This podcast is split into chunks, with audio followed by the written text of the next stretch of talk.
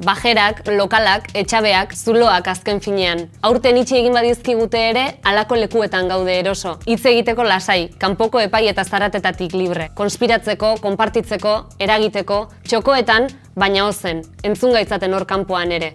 Zuazu bizkar naiz, ongi etorri zulora.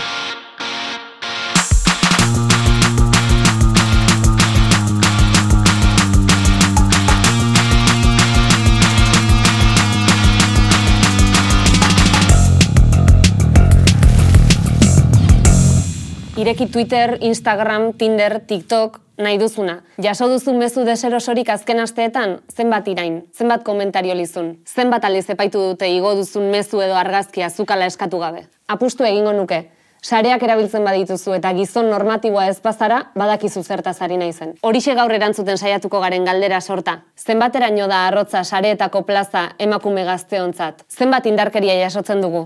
Eta nola baldintzatzen gaitu horrek? Eta nola egin diezaiokegu aurre. Eta gai honen zulo eta ertz guztietan arakatzeko bizipenak eta gogoetak biak ekarri dizkiguten hiru lagun ditugu gaur gurekin. Maialen arteaga, Marina Landa eta Irati Erauskin. Ongi etorri iruroi. Sare sozialak, e, indarkeria, emakumeak, gazteak, egia da indarkeria matxista askoz zabalduago dagoen e, esango dugu testu inguru bat e, dela, baina sare sozialak badira, ez? E, agian zerbait berriagoa, eta igual ez dakit horrek e, maialen e, suposatzen duen gure belaunaldiaren zat beste erronka bat, edo erronka propio moduan bizi beharrote dugun hori. E, bueno, nik uste dut, e, belaunaldi bakoitzak badekola komunikatzeko kanal bat, badeko zerronka berriek, e, borroka molde barriek, e, iruditegi barri bet, eta sare sozialak bai ustot, e, bueno, direla herramienta edo espazio bat, e, bereziki e, gure belaunaldia zeharkatzen duena sistemaren violentzia guztiak eta egitura guztiak erreproduzitzen dire espazio guztietan eta saretan bebai. Orden, bueno, bada violentzia bat, ni ustez espresuki e, gure belaunaldiko jenteak bizi deuena. Eta horregaitik, bada gure belaunaldien ardura bat edo e, hausnartzea horren inguruen eta jakin, jakitea zelan erantzun, hor dauzen problematikei, nire ustez. Emakumez e, ari ginen, edo behintzat emakume otatik hasi gara, baina ala ere agian bada ez, beste identitate zapaldu batzuk, ba, LGTBI pertsonek adibidez esango dugun, e, bueno, bizi duten problematika bat. Claro, baiet, osea, e, saretan erreproduzitzen diren violentzia dan, danetan, pues, LGTBIQ e, kolektibo osoa dau totalmente periferian. Neskoi, e, identidade ez binarioi, e, transei, e, marikei, boierei, eta, e, bueno, peina guzti horrengan bebai erreproduzitzen da eta gorpusten da guk e, pairatzen dugun violentzia bebai, ez? Marina, esaterako zu oso aktiboa zara Twitterren, ez? Eta badara mazazu urte batzuk dagoeneko Twitterren, ez dakit iruditzen zaizun aldatu den e, egoera indarkeria edo orain garen kontzienteago Nire kasuen uste dut indarkeria beti egon dela. Ez? E, Maialenek esaten zuen bezala, indarkeria mm, gauzatzen da gizartaren esparru guztietan, eta azkenean sare sozialak dira beste esparru bat. Ez? Orduan, e, gauza batzuk, indarkeria batzuk, emakumeok jasaten ditugunak, LGTBI kolektiboak e, jasaten ditugunak, e, razializatuta dauden pertsonek jasaten dituztenak, muturrera eramaten dira. Ez? Ze jendeak uste du, dakala, askatasun guztia nahi duna esateko, eta ez dakala konsekuentziarik edo ez dakala ondoriorik, eta hor, ba hori, areagotzen dela. Ez? Eta nik uste dut e, indarkeria hori beti egon dela, baina behintzat emakumeok feminismoari esker e, azken urteotan e, aurrera pausa izugarriak eman ditugulako, geroz eta kontzienteago gehala, eta geroz eta gehiago salatzen dugula e, jasaten dugun indarkeria. Ege da baitaren ikustet, stare soziala baduela bere parte ona, eta parte ona da aktivismo kontun, e, body positive kontuan, ez? Ba, adidez, e, zuleno, bai igual gure edabekin, ba, amabuz urte gintunen daula, ba, zu telebistan ikusten zentu modelo argalak, guapak, ezakitze, erreferentzi danak, zean patriarkatuan erreferentzi bat. Eta oain, ba, e, sare sozial batzutan ikuste dutzu, ateatzen dela jendea, ba, ez dutela edertasun kanon horiek betetzen, oziala patriarkatuak esate hon bezala, eta alare ateatzen die, ba, e, botere batekin, ez? Eta nire ustez hori bai oso positiba da. Bai, eta horri lotuta ere, mitu sortu zenetik, nik uste dut Euskal Herri mailan ere lortu degula, e, behintzat Twitter edo Instagram e, bilakatzea, E, naiz eta esparru e, agresiboak izan batzuetan, ez? Lortu dugu ere guk geuk gure babesa elkarri ematea. Eta, bai, bai. bai. Aipatutako fotopolla modukoak dira, ez? E, argazki horiek dira agian adibide nabarmen bat, e, kainakaik salatu zuen duela, duela ez asko, duela hilabete batzuk, zurin hidalgoke ere salatu du, baina pentsatzen jarrita, zer, zer dago e, horren atzean, ez? E, hori egiten duen pertsonak, hori egiten duen gizonak, zer, zer bilatzen du horrelako, horrelako irudi bat bidalita? Askotan, gertaleike, ba, adibidez, ezakit, e, imaginau, ba, emakume bat, e, ba, ondo sentitzala behakin, o sare sozialetan parte hartzeona, o eo zer gautza, Eta e, horrek ikusten du, igual, ba, e, emakume botere bat daukela, ez? Eta botere horrei eraso egiteko modu bat da, ba, inkomodo zestiaraztea, ez? Tardun, ba, e, bakotza, ba, bere dinamika izango du, ez? Pues, e, igual, fotopolla bat hori zuzenen, besteko bai, badare muti bat asko, igual ez jala zuzenak, baino, badue jarrera bat, e, tipo, biktimista bezala egiteko bezala, eta, ba, ezakit, manipulatzeko, jendea gaizki zentiarazteko, eta hola. Ordu nik uste dela botere kontua, ez? Emakumeak gehiago zapaltzeko, emakumeak gaizki zentierazteko, eta hola. Nik ezagit, ez da, gogo eta horretara iristen diren, ez? Baina benetan zalantzan jartzen dudana da, ea gizonen, gizonen batek uste duen, bere zakilaren argazki bat bidali eta neska bati, emakume bati, famatua izan edo edo ez izan, benetan zerbait lortuko duela pertsona horrekin. Segertatzen da, e, baliatzen direla persona zaurgarrietaz, e, persona ez dakienak ez debrila konteko, baina, bueno, kainakai kontan deguenean, nire behin pasau jaten, konta una benean, tarantzune danean, kuarriako argazki bat, gait nabi kaka gainean. Ez da bilako espero, jende horrek e, kontetea, eta espero bilako, eurek jokatzea hemendik, eta e, emakumeak hemendik. Baina, karo, zaz, funtzean hor dagoena da, hori nik dominatzen dut, dominatzen zaitut, nik erabakitzen dut noiz, nola eta norekin. Eta zauz nire menpe, nire ustez horre produzitzen dena da, hori, e, botere harreman bat, e, harreman sexualen arloan. Bai, eta gainera segurenik egia izango da ere, e, hori egiten duten gizonek, e, arazo bat izango dutela, beraien autoestimarekin eta beraien segurtasunarekin, ez?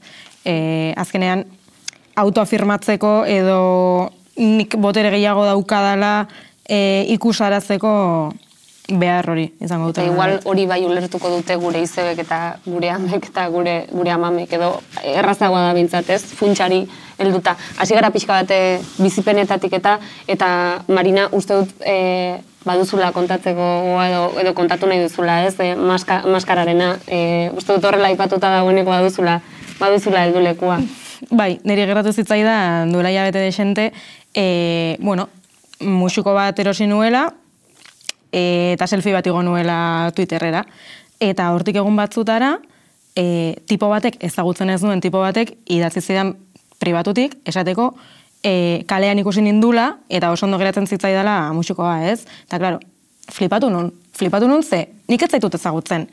E, zergatik idatzi behar dira zu pribatutik, bat, ez?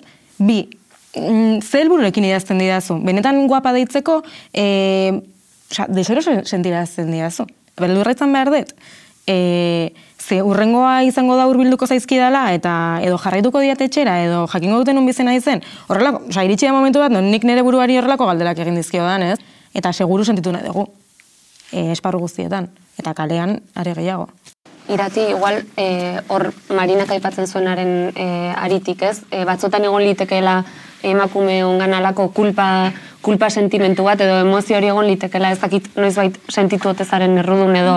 Pues eh, batzutan, ba, dependen lentzuna konbertsazioa jartzen zen, jo, igual, zakarra izana, ez jo, ez den nahi pertsona bat gaizko izten ditza, eta entzuten, eta gaiztaten dut. Nintzeatik izan barret, jarrera empatiko bat bestak erasotzen nahi balen badit. Osa, nintzeatik izan barret beti maha, eh, ai, ez, ez, ez, gaixua, gaixua, ez, gaixua, ni erasotzen nahi diatela e, jartzen die, e, posturteko umenatetzela kriston pataletaki, beramak ezolako txoko krispiak edo bueno, pues igual. Eta, hola, pues, e, esate, ah, e, tampoco eres tan guapa, eh, eta holako komentariok egiten. Eta azkenen beti, e, osea, beti dia mutilak o gixajok, eta emakumeek, gaizkin deunak, erroa daukeunak, ezaketze, beti kulpa gutzakoa, beti. Bai, neri gerratu zitzaidan behin bai, ea nintzen pertsona, bueno, motil batekin izketan, nire lanari buruz, nire lanari buruz, eta bapatean bota zidan horrelakoren bat, edo bikoteki da dakazu, edo horrela, ja, engaldera pertsonal bat, ez? Eta ez nion erantzun. Eta gero berriz itzuli izan orduan lan kontuetara, eta orduan erantzun nion. Eta berriz hasi ginen izketan, esan nun, bueno, Marina, ez zaitez ez, ez, ez gaizki pentsatu tal, eta berriz bota beste galdera pertsonal bat, ez nion erantzun, eta bapatean, ba, sekulakoak bota zizkidan. Ni, a ber, Baina eske, guaz ere aizketan gauza batengatik.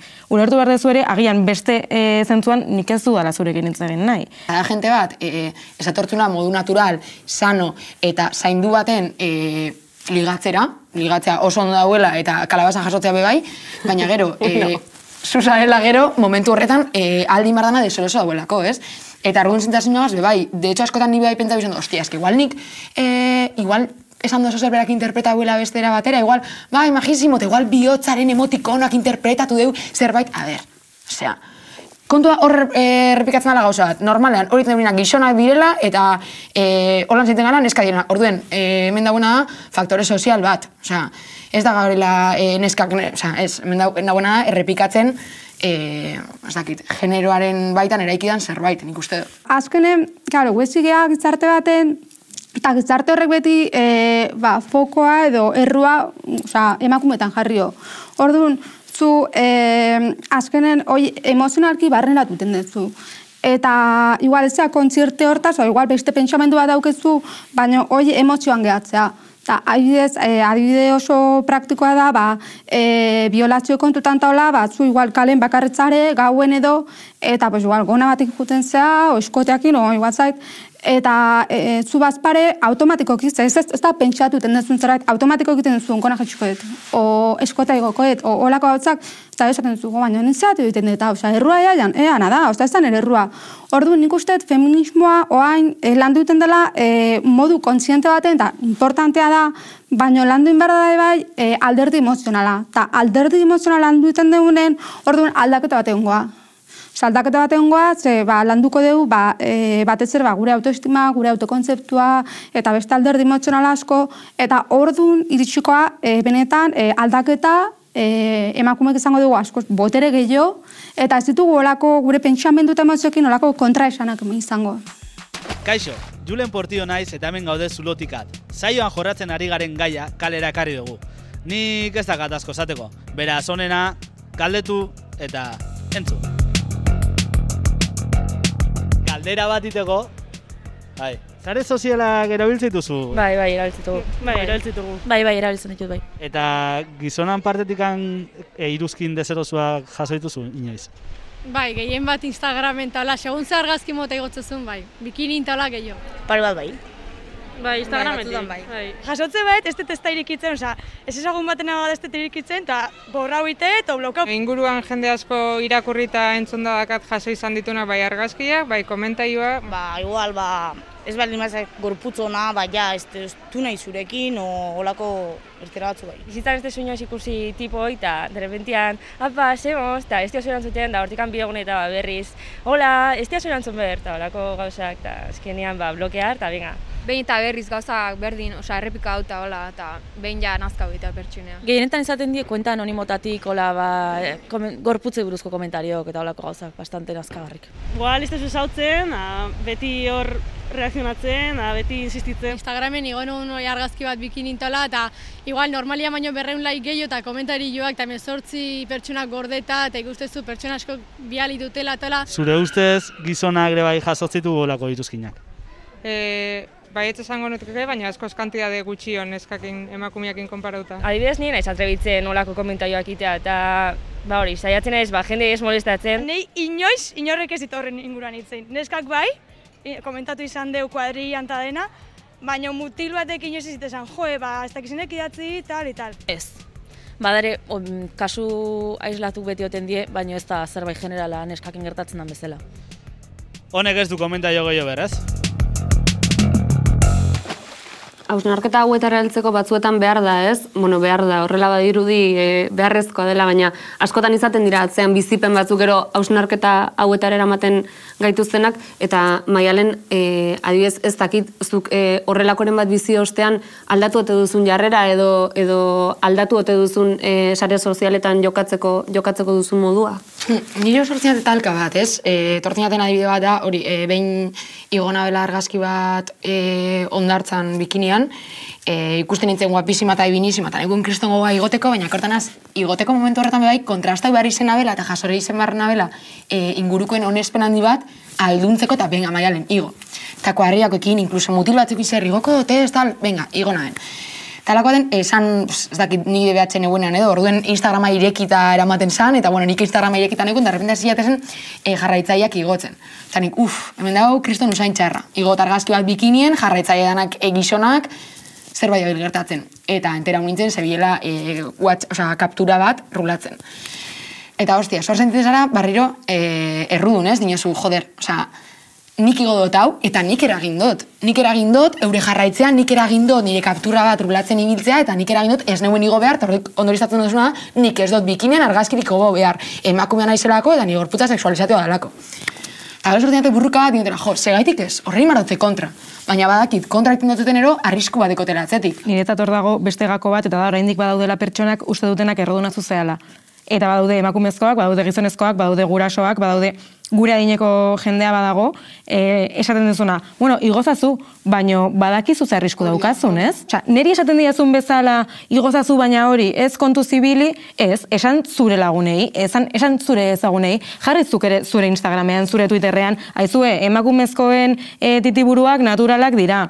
E, emakume batek bikinean argazki bat igotzen dunean, e, ez diozu zertan ezer esan. E, hori jendeak ez du egiten. Kritikatu bai, e, abixatu bai, baina gero ez ditu horrelako gauzak salatzen, ez, mundu guztiak. Eta hor ere badak arazo bat. Eta aliatuak direnak e, uste degula, e, ba bueno, gero isilik beti. Ez, agian ez dute kontribuitzen horretara, ez dia horren parte, ez dute partekatzen, baina isilik gehatzen dira. Bai. Eskribitzate, hain naturala dan zerbait, bueno, batzuen hain naturala dana, guretzat bihurtzana konstantemente pentsatu beharreko zerbait, e, matxake bat, erabaki politiko bat, osea, sama bat, publikazioa koitzero, oza, hain filtroak emai sortu dana, ez? Osa, osa, tu, maren, ez ara kapaz igoteko argazki bat, indela zenbat ez igo argazki bat filtro barik. Ostras, Ea lehen, eta zuzua zela hemen e, supersegura naz dakizer landuta dekot, e, arazo bat ikozu, azten handi argazki ikusten, ez ziko dela zenbat argazkiat filtro barik. Nik uste bat, e, arazo handi da hona bain, bai, e, osea, bai, filtro gabe argazkik igotzen eta e, netzako dago, e, bi arazo, eta bat da, bueno, erlazioan eta dare baino, presio estetiko handie daola, geho eta gehiago, eta geho dago hipersexualizazio asko. Arazoa da, hipersexualizazioa saltzen nahi dela askatasun betzela. Baino, ez, e, hipersexualizazioan atzen, eza, hau da, gauza da, gorputza naturala dela. Eta hoi hola da, eta ez da problemaik. Baino, e, saltzen nahi da modu batea, nun e, pertsona batek azken, emakume batek, e, igotzen du argazki bat, baina ez du igotzen gorputza naturala bezala, igotzen du postura batekin, igotzen du argala balin bada, igotzen du e, pauta batzukin bezala. Eta hori e, saldu inda zerbait askea bezala. Eta e, normala da, eta ulertu iten dut, baina kontuatu gabe azkenen e, e, aitzea pentsatzen, boa, ni askatasun itziten nahi naiz, ni e, boterea auket ezakitze, eta horren atzen ez dago boterea, horren atzen validazioa dago. Eta netzako, ba, filtrona, iguala da, hipersexualizazioa. Gauza e, gorputza normalizatu behar dena, eta batez ere emakumen gorputza, baina normalizazioa da e, gorputz naturala. Hau da, e, pues, e, emakume badaukeula e, estriak, badaukeula telulitis, badaukeula e, mila gauza, denak ez gehala argalak, e, denak ez gehala denak e, mila gauza. Eta beste gauza da, emakume batek bere gorputzan argazki egotzea, baino e, azken baten edertasun kanonen sartzeko intentzioak. Gustura ari gara izketan, gaiari bueltaka, baina zulotik atera eta momentu batean belarriak adiadi jarriko ditugu Estibaliz Linares ikerlariak bidali digulako bideo bat. Indarkeria matxistak sarean dituen formakari da bera aztertzen, bota Linares. Azken aldiotan e, ikusi egin dodana eta baita ere e, kongresotan eta tailerretan jasotzen ari da e, dodana da guk azteon modun, ez eta neska gazteok batez ere hainbat e, aplikazioen bitartez, ligatzeko aplikazioen bitartez, e, jasotzen ari gara hainbat erasoak, ez da? Mesuak, e, argazkiak, nahi ez ditugunak, baina jasotzen ditugu eta neskak izateagatik bat, ez gure gorputzen aurka eta gure sexualitatearen aurka. Abidez, Tinder eta Grinder eta aurrelako aplikazioetan. Eta hortatik bai, eta nik uste dut partikularki interesgarriena dena da, guk jaso izan ditugu eta iraik egin ditugu bestelako protekzio eta sare e, eta elkar arteko lana. E, non ipini ditugu hainbat kodigo, non ipini ditugu hainbat mesu, non ipintzen ditugu hainbat argazki, guk ere gure protekzioa bilatzeko.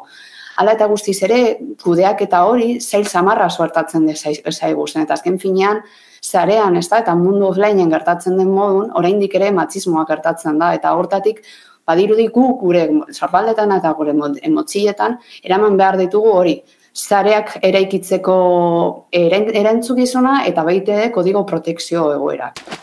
Aipatu ditu Linaresek pixkat ligatzeko aplikazioak edo Tinderre aipatu du eta ligatzeko klabe hori esango dugu e, mai gainean jarri duela, naiz eta lehen hasizareten zerbait aipatzen, e, ligatzeko eremu bat izateak gatazkak areagotzen ditu, erasoak e, areagotzen ditu, nola, nola aldatzen du klabea horrek?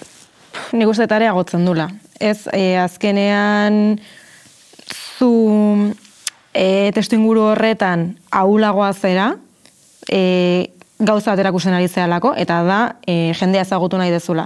Nik uste, ligatzeko aplikazio bat egotea ez ez trotxarra iruditzen berez, ez? Ba, bueno, ba, ligatu nahi behar o, ba, edarki dago. Gauza nik uste, azkenen tinderra ebai, e, badela gauza, dela, e, baso, argazki bat igotzen duzu. Eta, karo, azken entzuk argazki hori egotzen duzu norbaitei gustatzeko. Oain, berdina, azten geha, presio estetikoa, eta bat emakumetan, ze, kriston diferentzia ikustea, emakumek egotzen dituzten argazki eta gitzuenek egotzen dituzten, eza, kriston diferentzia dago. Ba, oi, presio estetikoa, validazio beharra, eta hori dana. Eta askotan, gizonezkoek irudi bat, baten bidez, sentitzen dute daukatela eskubidea zuepaitzeko eta nahi, nahi dutena esateko, ez? E, guapa zara, itxusia zara, potola zara, argala, argalegia zara, dena delakoa. Eta, e, barkatu, leheno esan dudan bezala tuterregin, eh? ez zaizu gustatzen, gustatzen, ez jarraitu. Ba, berdina, ez zaizu gustatzen, ez eman like, edo dena delakoa. Baina zergatik, e, bi urtu behar ditu gorrelako aplikazioak ere e, territorio hostil. Ez ligatzea bera bada territorio hostil emakumentzako, oza, desira bada territorio hostil. Oza, ez da tindera da, desira, sexua, e, eske, guzti hori darrotza eta purbet zaur arriskutsua guretako, ez? Eta hori sarean denean, zuek e, zein jokabide hartzen dituzue, edo zein jarrera hartzen dituzue, ez dakit, eraso horiei aurre egiteko, edo e, indarkeria jarrera horiei e, aurre egiteko, ze, ze jokabide hartu izan dituzue? Ni jun naiz aldatzen. E, izan nuen garai bat non saiatzen nintzen azaltzen e, beste gizonezkoari, e, sare sozial guztietan, ez? Ba, aurrez aurre, ei, barkatu, hau ez zait, ez zait e, erosoa egiten ari, eta hau ez nahi. Baina iristen da momentu bat, non barkatu. E, ze gizartetan bizizea, ez dakizu, e, fem, a ber, feministak garela, e, aurrera pausoak eman ditugula, hau ez degula nahi. Tio, ba, sartzaitez zureko bazuloan berriz Platonekin eta nahi dezunarekin, eta utz, eske, eske ez, ni ja ez naiz, ni ez naiz irakaslea, ez naiz pedagogoa, e, iristen da momentu bat, non, nazkatzen nagoen azalpenak eman behar izateak. Ineresek pixkat aipatzen zuen horrez, e, elkartasunerako joera bat ere badagoela, edo sareak ere sarean sortu direla sareak e, ere ez dakitirati uste duzu badagoela joera bat e, emakume gaztek elkar babesteko sareetan? Ba, nik uste generalen oain, zare sozialetan eta hola, e, ba, e, azkenen, bo, igual, nagusiko geana, gaztego jerakusten diogu, ba, e, nola jokatu duten egoera bat zuen aurren daula, eta nik uste e, generalen, ba, emakune arte, nahiko solidaridade erakusten nahi gehala. Badau, patroi bat, badau, ni ustez, feministongan ADN bat txertatu dala, e, erabaki politiko bat hartu dugu, nahiz e, ondo ez jauzi, nahiz ni lagun minena esan, defendatuko zaitut, e, emakume modu zapaldua zaren momentuan. Zapaldua erazatua edo jasarria zaren momentuan. Ez dut behar zu ezagutzea, ez dut behar e, e, zure bertxino bat egiaztatzea, ez, sinistuko zaitut eta, eta bebestuko zaitut. Erabaki bat hartu dotelako feminismo murgiduna zenetik. Partekatu nahi dut, e, normalizatuta dagoen zerbait normalizateari usteko, behin ez? Eta horrela ikusten duzu, jo, ba, neri gertatu zitzaidan fotopoiarena, edo neri gertatu zitzaidan ezakitze iruzkin, edo musikoarena, edo ezakitzer, eta beste bat etortzen zaizu, beste neska bat etortzen zaizuta jo, ba, ere antzeko zerbait gertatu zitzaidan. Eta nere ere, eta nere ere, ez? Eta horrela azkenean, lor dezakegu, e, iratik esan duna, ba, e, beste belaunaldi, bueno, edo gure belaunaldiak ere, ez? Baina, badatu zenak ere, ba, behingoz ikusteko, ez, hau ez dago ondo, ez da normala, eta, ei, gizonak, mutilak, e, ez egin horrelakorik, ja aski da.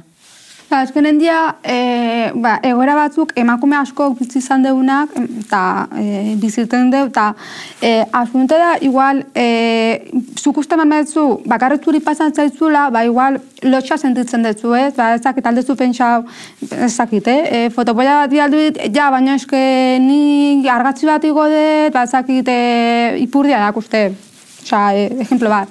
Ta, karo, e, orduan zu sentitzen gaizki ez, ba, karo, eske, oi ondori bada, edo, baina orduan beste pertsonek kontatzen duenen, e, ba, ez dakit, ba, neri hau pasau ziten, eta bestak ez ba, neri hau, eta neri hau, esaten zu, jo, e, ez naiz bakarra, eta azkenen nor, e, zaket, e, sortzen da pues, e, solidaridade bat, eta sortzen da ba, e, horri aurre egiteko e, borrokago bat zela ez, eta pues, oi, azkenen e, ez, errua behar dena da, ez akurea. Eta ez gea, ez dugu lotxa izan behar, ez dugu errua sentutu behar, eta igual zait nola igotzen zu argazkia, igual zait egiten duzu, inoiz ez dago justifikauta mutil batek eraso egitea.